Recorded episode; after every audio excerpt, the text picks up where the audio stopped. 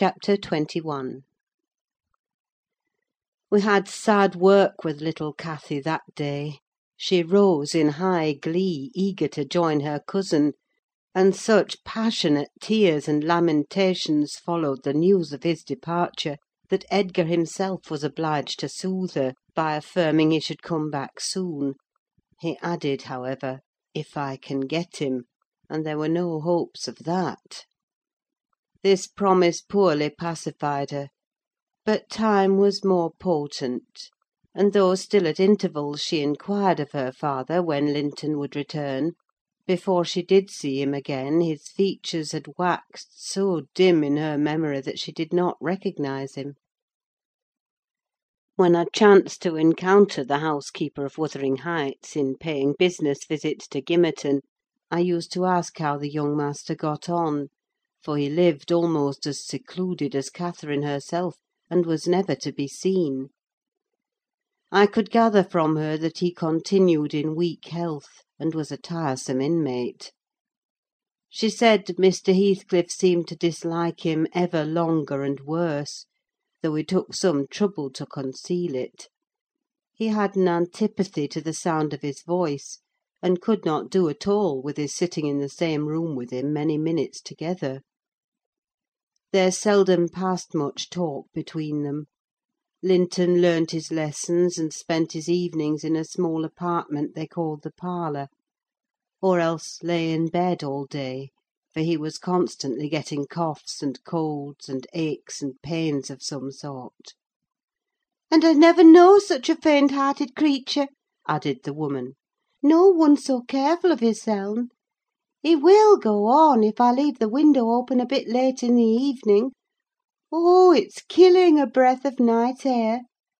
And he must have a fire in the middle of summer, and Joseph's 'bacca pipe is poison; and he must always have sweets and dainties, and always milk, milk for ever; heeding nought how the rest of us are pinched in winter: and there he'll sit, wrapped in his furred cloak, in his chair by the fire, with some toast and water or other slop on the hob to sip at.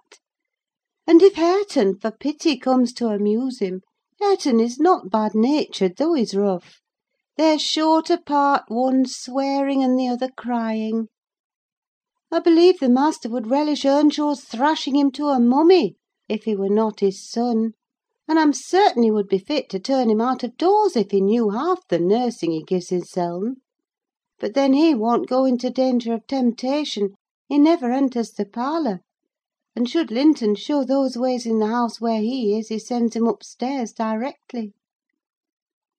I divined from this account that utter lack of sympathy had rendered young Heathcliff selfish and disagreeable, if he were not so originally; and my interest in him, consequently, decayed; though still I was moved with a sense of grief at his lot, and a wish that he had been left with us.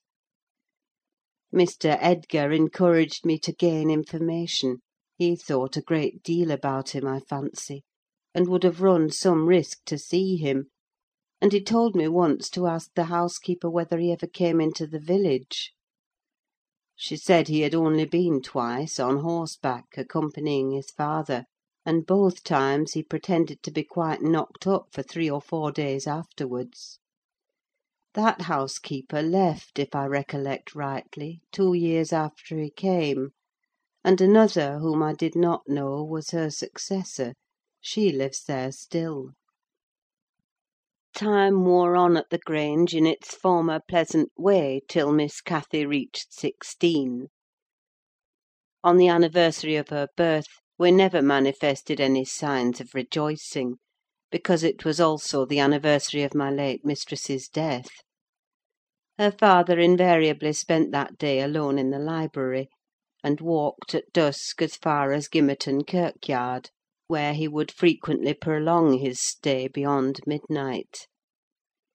Therefore Catherine was thrown on her own resources for amusement.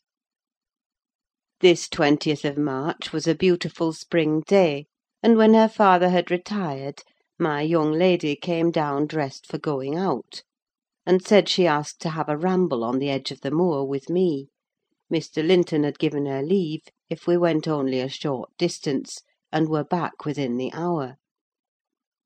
"So make haste, Ellen!" she cried. "I know where I wish to go: where a colony of moor game has settled.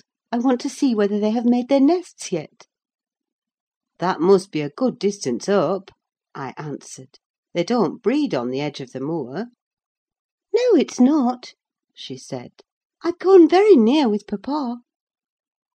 I put on my bonnet and sallied out, thinking nothing more of the matter.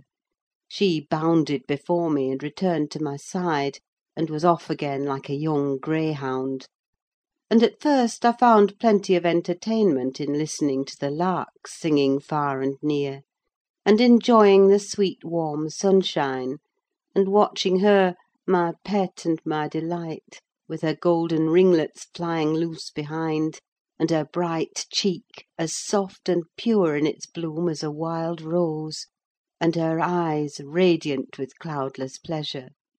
She was a happy creature, and an angel, in those days.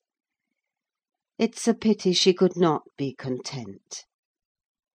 "Well," said I, "where are your moor game, Miss Cathy? We should be at them: the Grange park fence is a great way off now."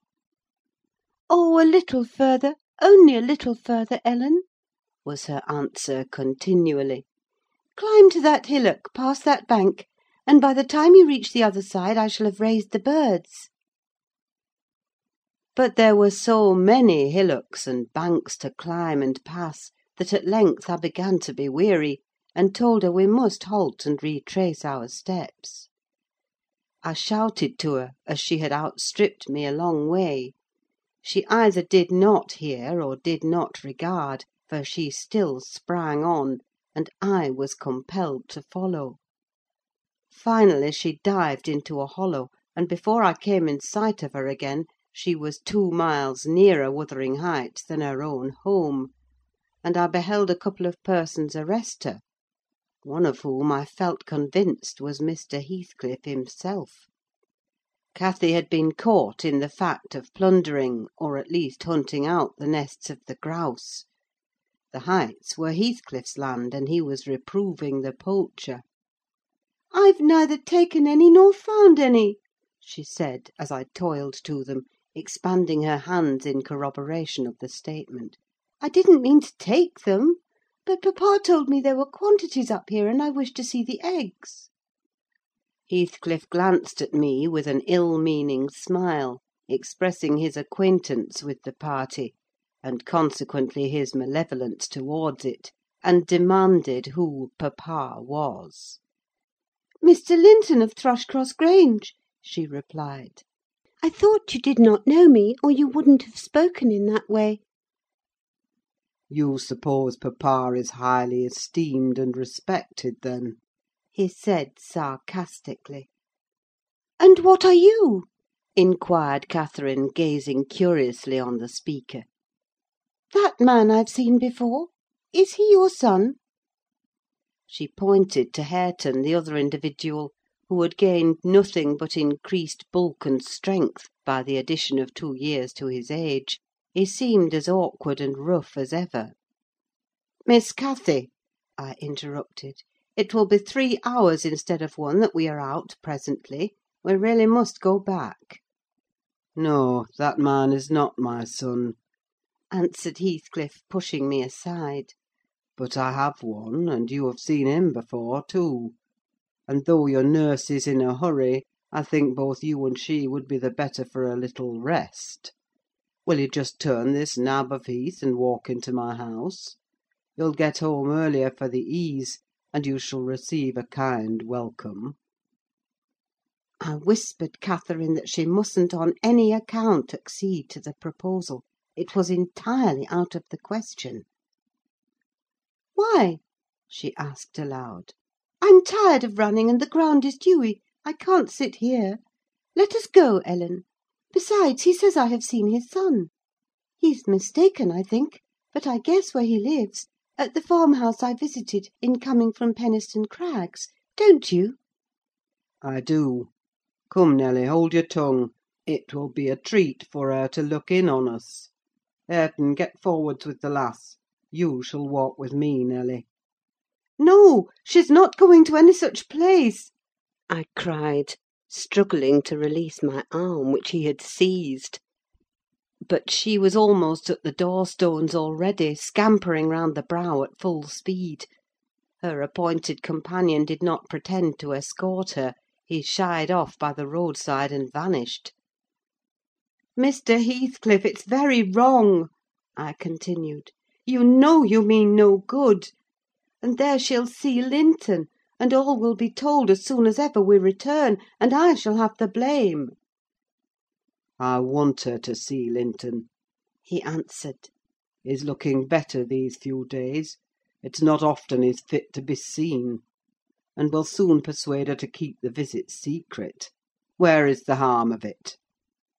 "The harm of it is, that her father would hate me if he found I suffered her to enter your house; and I am convinced you have a bad design in encouraging her to do so," I replied. "My design is as honest as possible. I'll inform you of its whole scope," he said. "That the two cousins may fall in love and get married.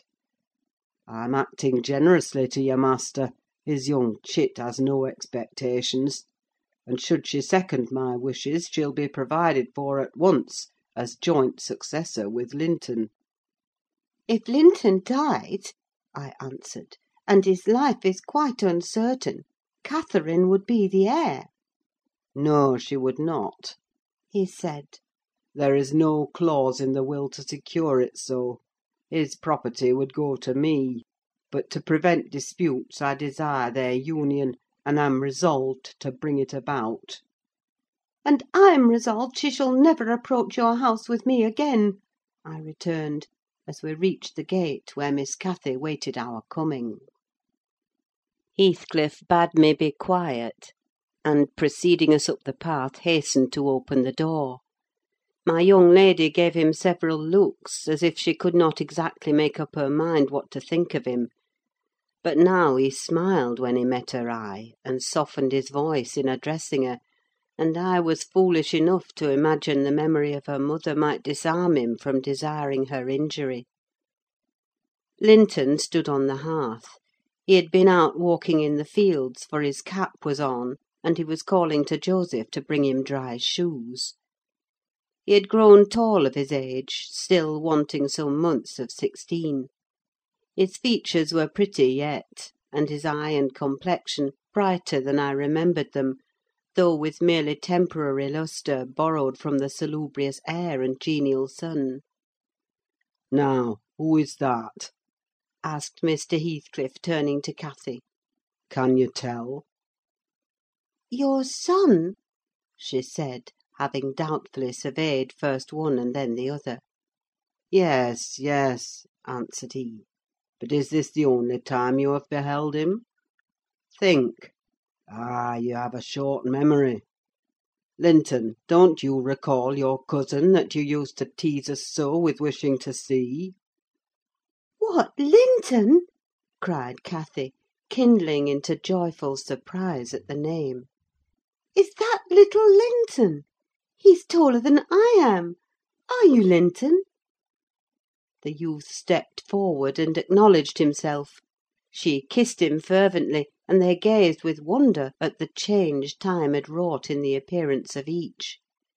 Catherine had reached her full height; her figure was both plump and slender, elastic as steel, and her whole aspect sparkling with health and spirits.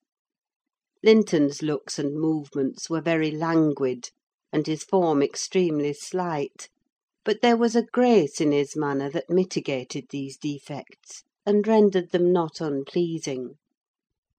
After exchanging numerous marks of fondness with him, his cousin went to Mr. Heathcliff, who lingered by the door, dividing his attention between the objects inside and those that lay without: pretending, that is, to observe the latter, and really noting the former alone. "And you are my uncle, then?" she cried, reaching up to salute him. "I thought I liked you, though you were cross at first. Why don't you visit at the Grange with Linton? To live all these years such close neighbours, and never see us, is odd. What have you done so for?" "I visited it once or twice too often before you were born," he answered. "There, damn it! If you have any kisses to spare, give them to Linton: they're thrown away on me." "Naughty Ellen!" exclaimed Catherine, flying to attack me next with her lavish caresses. "Wicked Ellen! to try to hinder me from entering! But I'll take this walk every morning in future: may I, uncle? and sometimes bring papa? Won't you be glad to see us?" "Of course," replied the uncle, with a hardly suppressed grimace, resulting from his deep aversion to both the proposed visitors. "But stay," he continued, turning towards the young lady. "Now I think of it, I'd better tell you. Mr. Linton has a prejudice against me: we quarrelled at one time of our lives with unchristian ferocity; and if you mention coming here to him, he'll put a veto on your visits altogether. Therefore you must not mention it, unless you be careless of seeing your cousin hereafter. You may come, if you will, but you must not mention it." "Why did you quarrel?" asked Catherine, considerably crestfallen. "He thought me too poor to wed his sister," answered Heathcliff, "and was grieved that I got her. His pride was hurt, and he'll never forgive it." "That's wrong," said the young lady. "Some time I'll tell him so. But Linton and I have no share in your quarrel. I'll not come here, then: he shall come to the Grange." "It will be too far for me," murmured her cousin. To walk four miles would kill me. No, come here, Miss Catherine, now and then. Not every morning, but once or twice a week." The father launched towards his son a glance of bitter contempt. "I am afraid, Nelly, I shall lose my labour," he muttered to me. "Miss Catherine, as the ninny calls her, will discover his value, and send him to the devil. Now, if it had been Hareton!